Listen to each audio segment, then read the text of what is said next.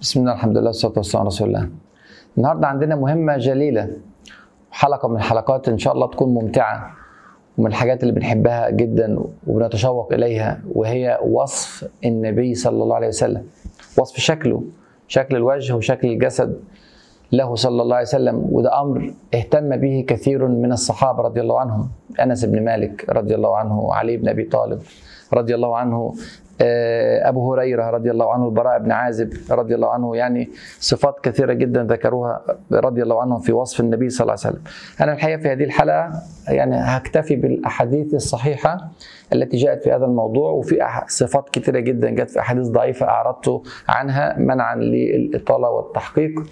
ومثلا زي حديث هند ابن أبي هالة زي بعض الروايات عن علي بن أبي طالب بعض الروايات عن عبد الله بن مسعود حديث أم معبد أنا يعني أخذت به مع إن هو الطرق بتاعته يعني ضعيفة لكن مجموع الطرق يرفعه إلى درجة الحسن ولذلك استفدنا من المعلومات التي ذكرتها وخاصة إن هي يعني ما فيهاش تعارض كبير مع بقية المعلومات اللي عرفناها عن رسول الله صلى الله عليه وسلم. إنك تعرف شكل الرسول صلى الله عليه وسلم هذا يزيد من محبته.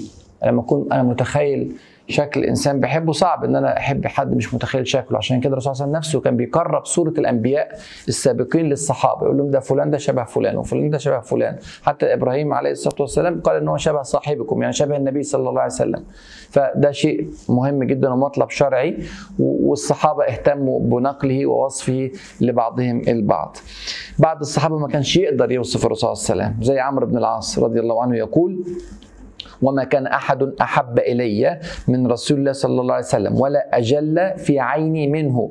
وما كنت وما كنت أطيق أن أملأ عيني منه اجلالا له. ولو سئلت أن أصفه ما أطقت لأني لم أكن أملأ عيني منه. يعني مهابة الرسول صلى الله عليه وسلم ما كانش بيقدر يبص عشان يقدر يوصفه يعني. طيب بشكل عام لما تيجي تنظر الرسول صلى الله عليه وسلم بشكل عام الرسول صلى الله عليه وسلم كان جميلا جميلا للغاية. كان أجمل أجمل الناس في عيون الصحابة رضي الله عنهم. عندما كانوا يرونه كانوا يصفون بكلمات فيها مشاعر مشاعر بتعبر عن حبهم للرسول صلى الله عليه وسلم. على سبيل المثال قال البخاري في, في رواية البخاري عن البراء ابن عازب قال البراء ابن عازب رضي الله عنه كان الرسول صلى الله عليه وسلم أحسن الناس وجها وأحسنه وأحسنه خلقا. وفي رواية وأحسنهم خلقا وخلقا. وفي رواية أيضا عن براء بن عازب قال ما رأيت شيئا قط أحسن منه صلى الله عليه وسلم. عن أبي هريرة رضي الله عنه قال ما رأيت شيئا أحسن من رسول الله صلى الله عليه وسلم. كأن الشمس تجري في جبهته. كلام أبي هريرة شوف قد إيه التعبير جميل. وفي حديث الربيع بنت معوذ رضي الله عنها قالت لو رأيته لرأيت الشمس طالعة. وفي حديث عامر بن واثلة قال كان صلى الله عليه وسلم مقصدا. يعني إيه مقصدا؟ يعني وسطا في كل شيء. القصد الوسط ما بين شيء وشيء. وفي حديث زينب بنت أبي معاوية الثقفية زوجة عبد الله بن مسعود رضي الله عنه رضي الله عنهما كانت تقول وكان رسول الله صلى الله عليه وسلم قد ألقيت عليه المهابة. لما تنظر الرسول صلى الله عليه وسلم نظرة إجمالية كده تأخذك المهابة من رؤيته صلى الله عليه وسلم. وفي حديث أم معبد رضي الله عنها قالت أجمل الناس وأبهاه من بعيد وأحلاه وأحسنه من قريب. يعني في الحالتين هو أجمل الناس. وقال علي بن أبي طالب رضي الله عنه لم ارى مثله قبله ولا بعده. ده بشكل عام المنظر الرسول صلى الله عليه وسلم الخارجي. جسمه صلى الله عليه وسلم يقول أنس بن مالك كان حسن الجسم. وكان النبي صلى الله عليه وسلم ربعة بين القوم. يعني إيه ربعة؟ يعني وسط. لا هو طويل ولا هو قصير ولا هو بدين ولا هو نحيف. هو وسط. يقول ليس بالطويل البائن ولا بالقصير وهو إلى الطول أقرب. يعني هو متوسط لكن لما تقول هو أكتر شوية ناحية الطول ولا القصر لا ناحية الطول وهذا أعظم عند الرجال. لما بيوصفوا الرجل بأنه شوية طويل بس الطويل البائن هذا بيستنكروه الناس والقصير الشديد القصر بيستهجنوه برضه. لكن الوسط بيقدروه ولو كان إلى الطول أعلى قليلا يكون أفضل. وهذا كان الرسول صلى الله عليه وسلم. لونه صلى الله عليه وسلم كان أزهر اللون. يعني أزهر يعني أبيض مشرب بحمرة. كبيره في شيء من من الحمار في الوجه. وهو يقول في رواية أخرى الواصف ولا بالأبيض الأمهق الأمهق اللي هو شديد البياض وليس بالآدم ومش أسمر هو وسط لكن البياض بتاعه فيه شيء من الحمرة. رأسه صلى الله عليه وسلم كان كبيرا بتعبير علي بن أبي طالب كان ضخم الرأس. وهذه عند العرب صفة جميلة وفيها تفاصيل أكثر. ويؤكدها كلمة أم معبد بتقول ولم تزر به صعلة. صعلة يعني الصعلة الرأس الصغير.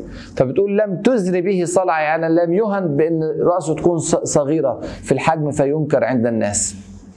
شعره صلى الله عليه وسلم كان ليس بالجعد القطط الجعد القطط هو الخشن يعني ولا ولا بالصبت اللي هو المرسل السايح ده يعني. لا كان متوسط بين هذا وذاك. له شعر يبلغ شحمة أذنه. شعره كان طويل لحد شحمة أذنه. وأحيانا يصل إلى منكبيه. لما كان يطول وكان يسيبه شوية كان يوصل إلى الكتفين إلى منكبيه. شديد سواد الشعر. وتوفاه الله وليس في رأسه عشرون شعرة بيضاء. تخيل قعد لحد ما عمره 63 سنة شعره كله أسود ما فيش غير 20 شعره بيضاء. كانوا فين؟ كانوا في العنفقة العنفقة اللي هي الشعر اللي تحت الشفة السفلى. وكان في الصدغين في جنب الودن وكان أحيانا قليلة في الرأس. يبقى دولة ال 20 شعره اللي كانوا عند الرسول صلى الله عليه وسلم بيضاء في آخر حياته. كان بينزل شعره في الأول يسدله على قرطه يعني اللي إحنا بنسميها قصة دلوقتي وهو أو بس في آخر حياته فرق الشعر فكان بيعمل فرقة ويجيب شعره على على جنب. وطبعا هو في الأول كان بينزله لمخالفة المشركين وموافقة أهل الكتاب. وبعد كده لما المشركين دخلوا في الإسلام وأهل الكتاب هم اللي خالفوه فخالف وفرق رأسه صلى الله عليه وسلم ومات على هذا الوضع. وجهه صلى الله عليه وسلم. تقول أم, معبد وسيم قسيم. وسيم يعني وسم بالحسن. وقسيم يعني الحسن في كل تفصيل أو في كل قسم من أقسام وجهه صلى الله عليه وسلم. وسيم قسيم. وقال أبو الطفيل رضي الله عنه كان أبيض مليحا. وقال عبد الله بن سلام لما استبنت وجهه عرفت أن وجهه ليس بوجه كذاب تبدو عليه أمارات الصدق. وسئل البراء بن مالك كما في البخاري أكان وجه الرسول صلى الله عليه وسلم مثل السيف؟ يعني كان وشه طويل وفيه لمعان وفيه حدة؟ قال لا بل مثل القمر. قمر يعني كان في استدارة والاستدارة في جمال ومشرق كالقمر. وفي رواية أنه كان أسيل الخدين يعني أسيل يعني مش مرتفع الخد بتاعه مستوي ما كانش فيه ارتفاع في الخدود بتاعته.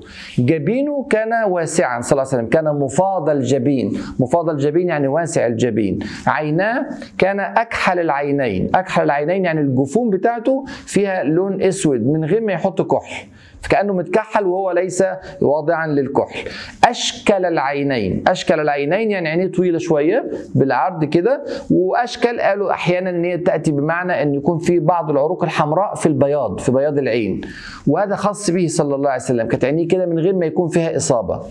وكان أسود الحدقة. وفي رواية أم كان فيه دعج دعج يعني الحلقة الحدقة سوداء تماما. ليس فيها أي نوع من الألوان الأخرى. الرموش رموش الرسول صلى الله عليه وسلم كانت طويلة. كان يقول أهدب أشفار العين. أشفار العين هي الرموش. أهدب يعني طويل. وفيها غطف كما تقول أم معبد. غطف يعني انحناء. يعني بعد ما تطولت بتنحني شوية وده من جمال رموش الرسول صلى الله عليه وسلم. الحاجبان ورد في رواية أم معبد لفظين ممكن يبدو في ظاهرهما التعارض. أقرن وأبلج الأبلج هو الحواجب مش واصلة لبعضيها. يعني عنده الحاجب اليمين والشمال بينهم فرق والأقرن الواصلين لبعضهم. ويجمع العلماء بين اللفظين على أنهم كانوا قريبين لكن كان في فراغ يسير بينهما. الفراغ اليسير بينهما ده كان بيملأ بعرق في عرق وهذا العرق كان ينفر عند الغضب وما كان يغضب صلى الله عليه وسلم إلا لله عز وجل. برضو في وصف آخر للحواجب أنه كانوا كان الحواجب أسج أزج الحاجبين يعني فيهم زجج. الزجج هذا هو تقوس في الحاجب ودقة. يعني حواجبه كانت رفيعة مش غليظة وكانت متقوسة يعني فيها ارتفاع في النص شوية. الأنف لم يرد فيها قول الصحيح موجود في بعض الروايات الضعيفة. الفم كان حسن الثغر. عن عمر بن الخطاب رضي الله عنه قال ضحك رسول الله صلى الله عليه وسلم وكان من أحسن الناس ثغرا. وكان ضليع الفم. ضليع الفم يعني فمه كبير واسع. وهذا عند العرب محمود. ومحمود في الرجال وليس في النساء. وهو يشير إلى الفصاحة. أسنانه لم يرد فيها قول صحيح صلى الله عليه وسلم. وإن كان بعض الروايات بتقول أفلج الثنيتين. يعني ما في فراغ ما بين السنان. ويخرج من فمه النور إذا تكلم لكن هذه روايات ضعيفة. لحيته كانت كثة كبيرة صلى الله عليه وسلم وزي ما قلنا كان في شعرات بيضاء في العنفقة اللي تحت الشفة السفلى. عنقه صلى الله عليه وسلم كان طويلا في عنقه سطع أي طول. منكباه كان عريضين صلى الله عليه وسلم بعيد ما بين المنكبين. راح بالصدر صدره واسع وعريض. طويل المسربة. المسربة اللي هو الشعر اللي اللي من من عند الرقبة من عند اللبة الأول الصدر لحد السرة تحت.